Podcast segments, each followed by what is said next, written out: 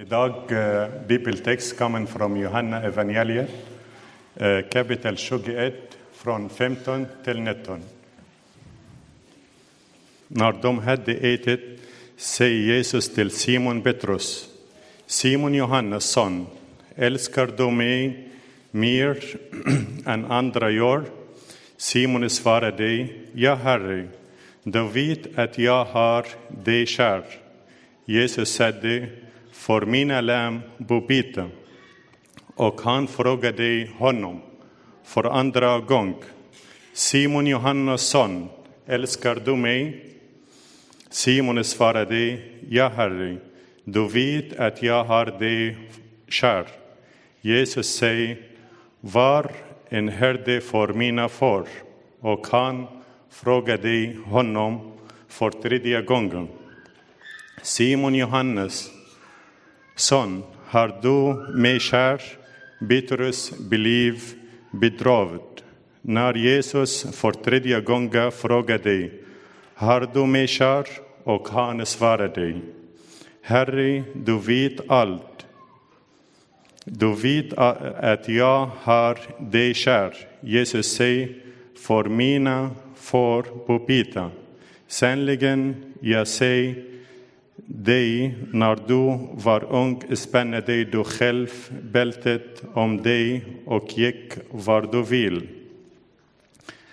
Men när du blir gammal ska du sträcka ut dina armar och någon annan ska spänna bälten om dig och föra dig dit du inte vill. Så angav han med vad för släggedöd Petrus skulle förhölja Gud. Sedan sade han till honom, följ mig. Så lyder det heliga evangeliet.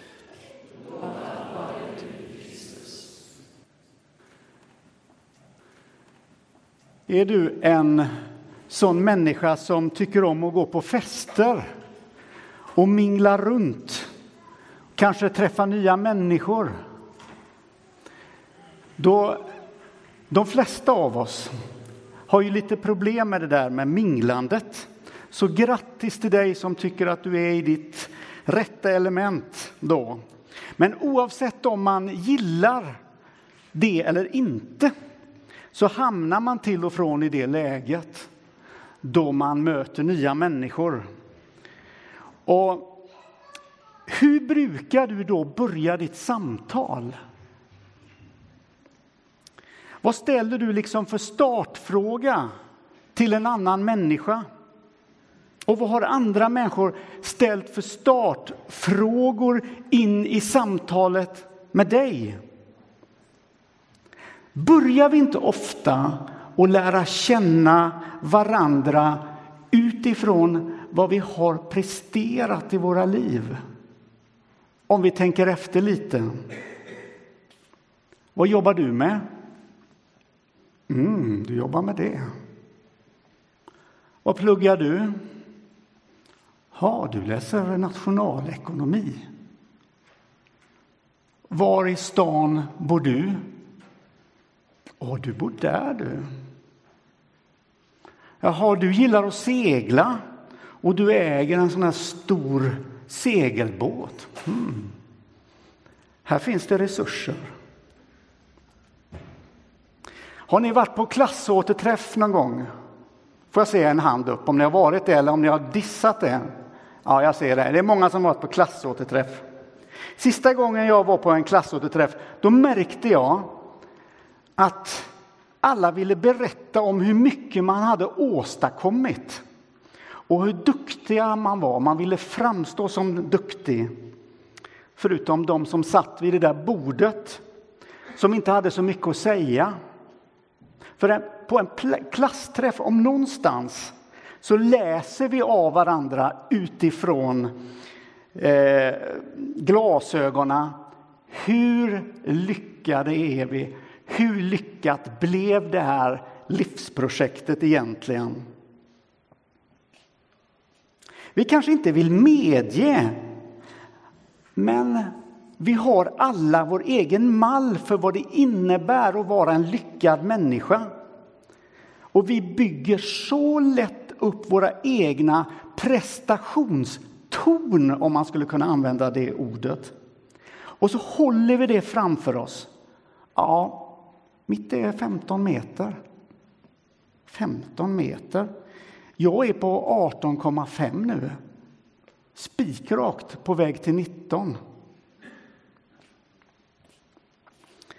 Det är ju inte konstigt att en del tycker att det är bäst att stanna hemma från klassåterträffen.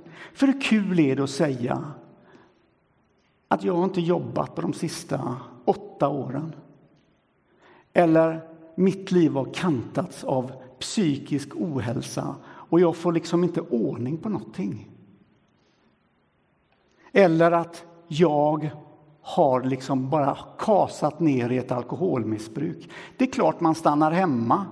Det är ju inte så härligt att berätta. Men hallå, säger någon och börjar fundera på det här.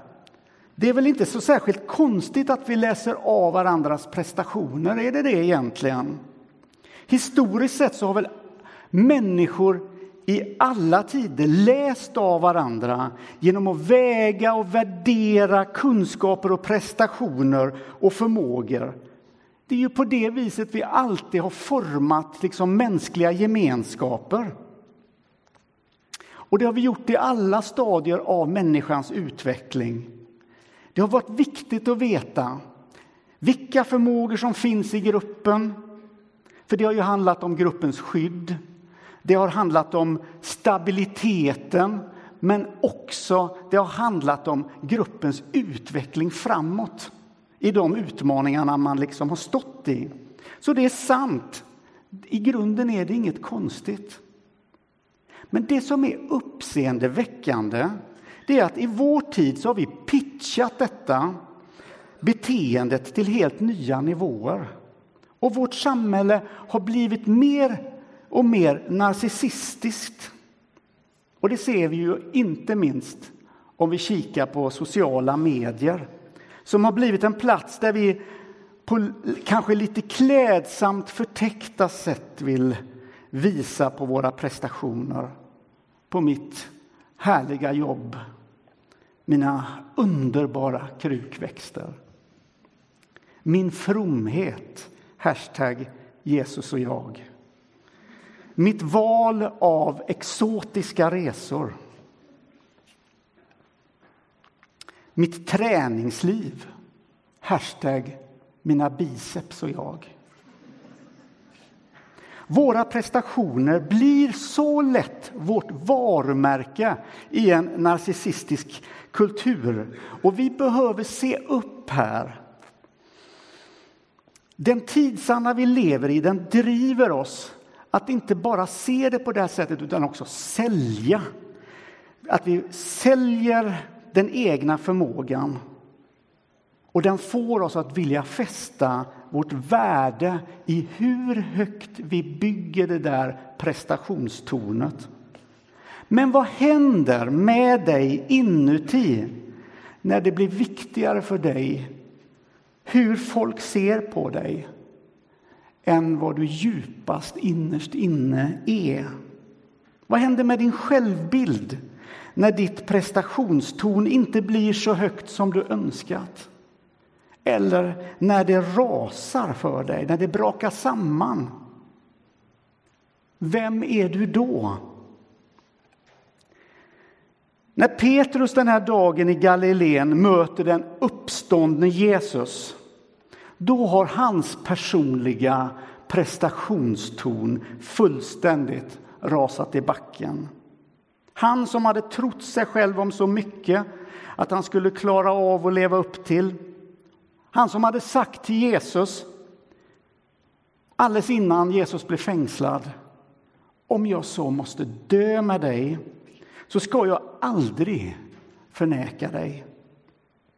Och, då, och det är då Jesus säger innan tuppen gal ska du ha förnekat mig tre gånger.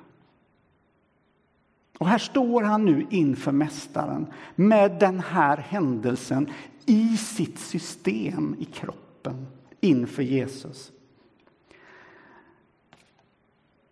Och det är intressant hur Jesus närmar sig en människa som har kraschat till marken. För Jesus börjar inte med att säga till Petrus, vad var det jag sa?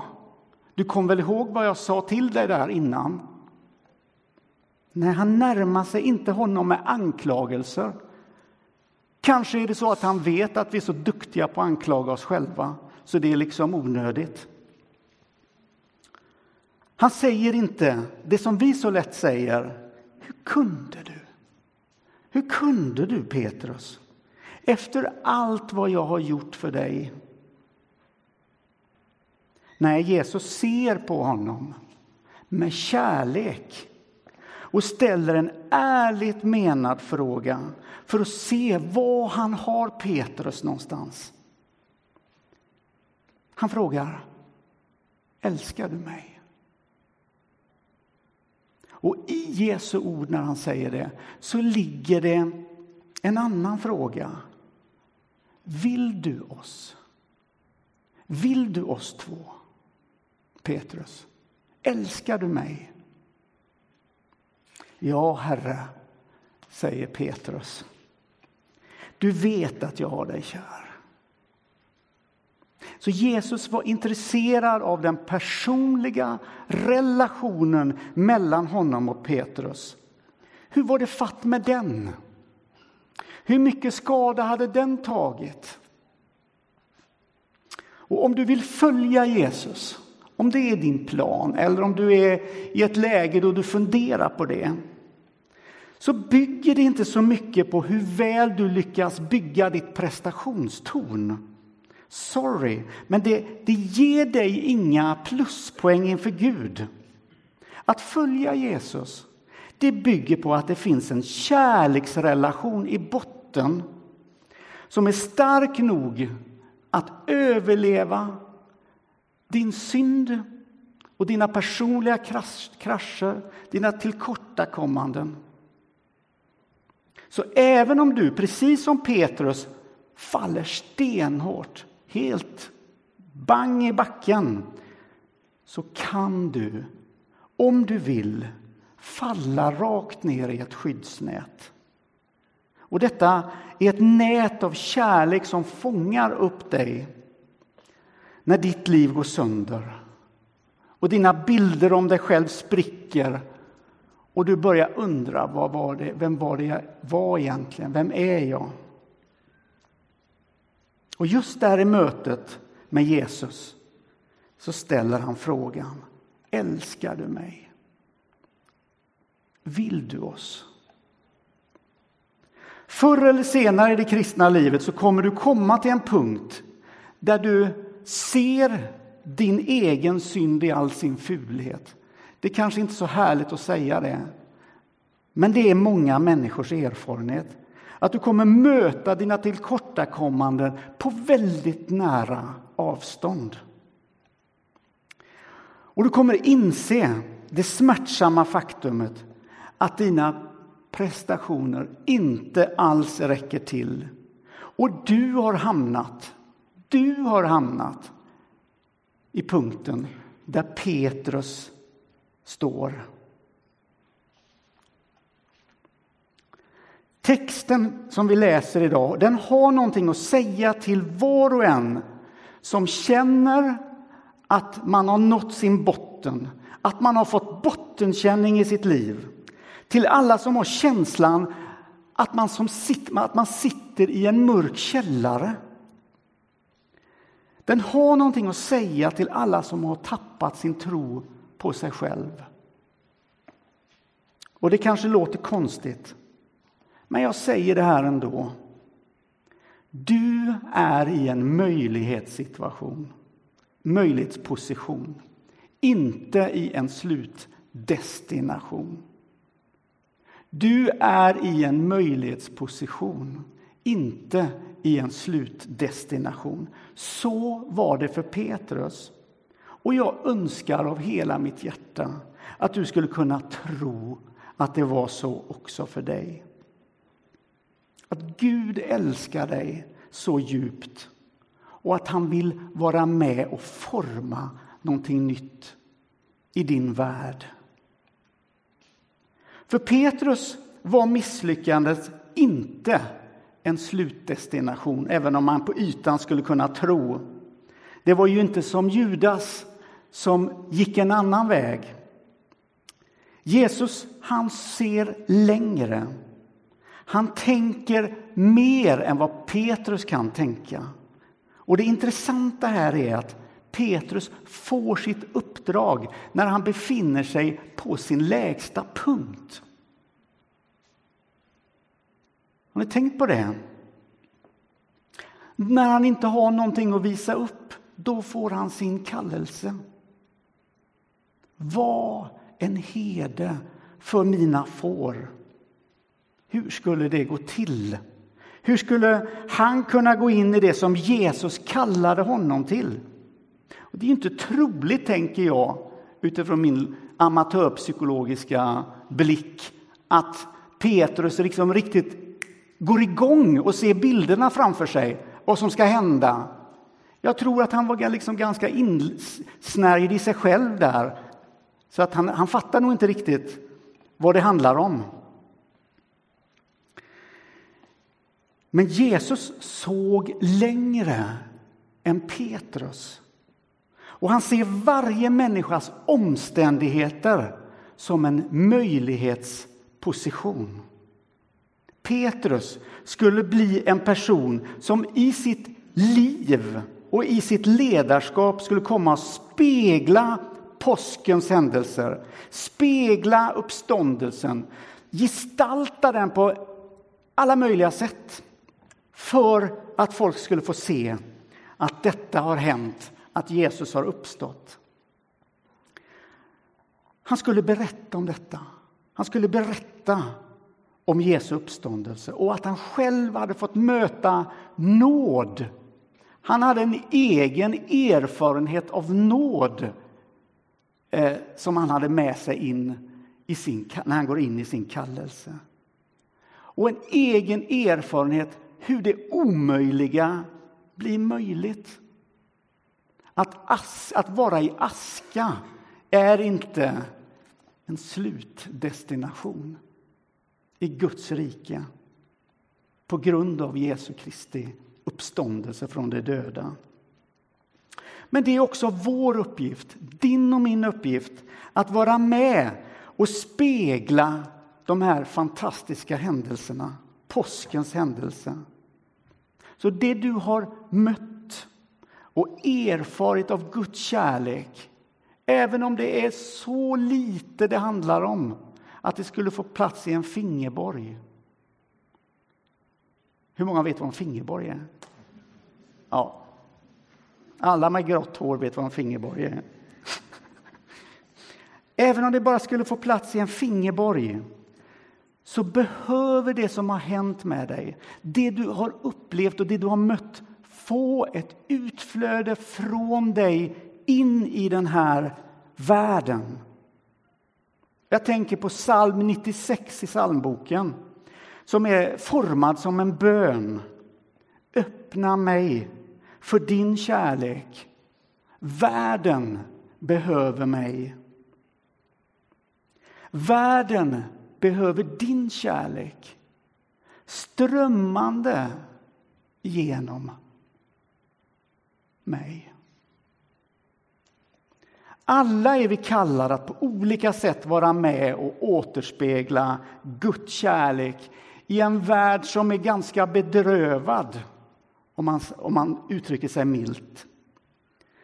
Och de som upplever sig sitta fast i mörka källare behöver få höra någon som säger detta är ingen slutdestination för dig. Fler röster behöver säga rakt in i den här världen att det finns hopp i Jesus Kristus. Att Jesus Kristus är världens hopp. Inte på låtsas, utan på riktigt i verkligheten. Men tillbaka lite till Petrus igen. För att han rent praktiskt skulle kunna gå in i det som han kallats till så behöver han formas och utrustas på insidan. Någonting behöver hända med honom när han ska gå in i det här nya. Och för att den här processen ska sätta igång så behöver man ju ha, och detta tror jag gäller alla som stiger in i någonting, som känner att, som säger till Gud, här är jag. Vi behöver ha ett mjukt hjärta. Vi behöver ha ett öppet sinne. Och vi behöver ha en formbar inställning. Det hade Petrus. Det här är själva liksom attityden. För det är så lätt, och jag pratar av egen erfarenhet. Det är så lätt att man hårdnar i mitten av sin tro. Våra liv blir lite stela och vi förlorar vår förmåga till en andlig flexibilitet. Att vara öppna. Men jag vill säga det att en människa som är fylld av otillräcklighet är inte Guds största problem. Guds största problem är vår tröghet att vilja omformas. Och det är lätt för Gud att på en sekund uppväcka en död. Men det kan ta honom år att få access till en människas almanacka. Det är ett lite sorgligt statement. Vi behöver öppna våra almanackor. Våga låta honom komma in och se hur vi prioriterar våra 24 timmar per dygn. Jesus får ju så ofta, som alla andra, underordna sig våra tajta planeringssystem. Han får ställa sig i kö och vänta på sin tur och kanske bli inplanerad. Men tänk om han vill komma med sin godhet och sin blick på ditt livsupplägg. Tänk om han vill öppna ditt hjärta så att det där inre vattnet får påla genom dig ut till de människor som du möter. Tänk om han vill karva ut ett utrymme i ditt liv för någonting nytt. Tänk om det är den tiden nu och ingen annan tid. Kanske var det länge sedan du väntade stora ting av Gud. Du kanske känner dig låst och fast i ditt andliga format. Och berättelsen om Petrus ger oss hopp om att något nytt kan komma, även i ditt liv. För har du med Gud att göra så är ditt öde inte skrivet i sten. Alltså, Gud får konkurrera så mycket med våra destruktiva tankar. När han kommer med hopp så svarar vi med väldigt destruktiva tankar. Men han vill komma in med hopp. Ta tag i ditt liv, gör någonting nytt. Så hur får jag ett mjukt hjärta, ett öppet sinne och en formbar inställning? Vi får hjälp när vi läser den gammaltestamentliga texten idag. När Jeremia uppmanas av Gud att gå till krukmakarens hus. Och han gör det, och han ställer sig där, för Gud har sagt det, och han ska titta Titta på den här krukmakaren som sitter där och drejar. Och så ser han hur det blir fel. Det blir inte det som krukmakaren har tänkt sig. Vad gör han då? Han börjar om. Krukmakaren börjar om med en ny lerklump. Nej, med samma lerklump. Alltid samma lerklump. Gud gör någonting nytt. Och så kommer orden från Gud till Jeremia.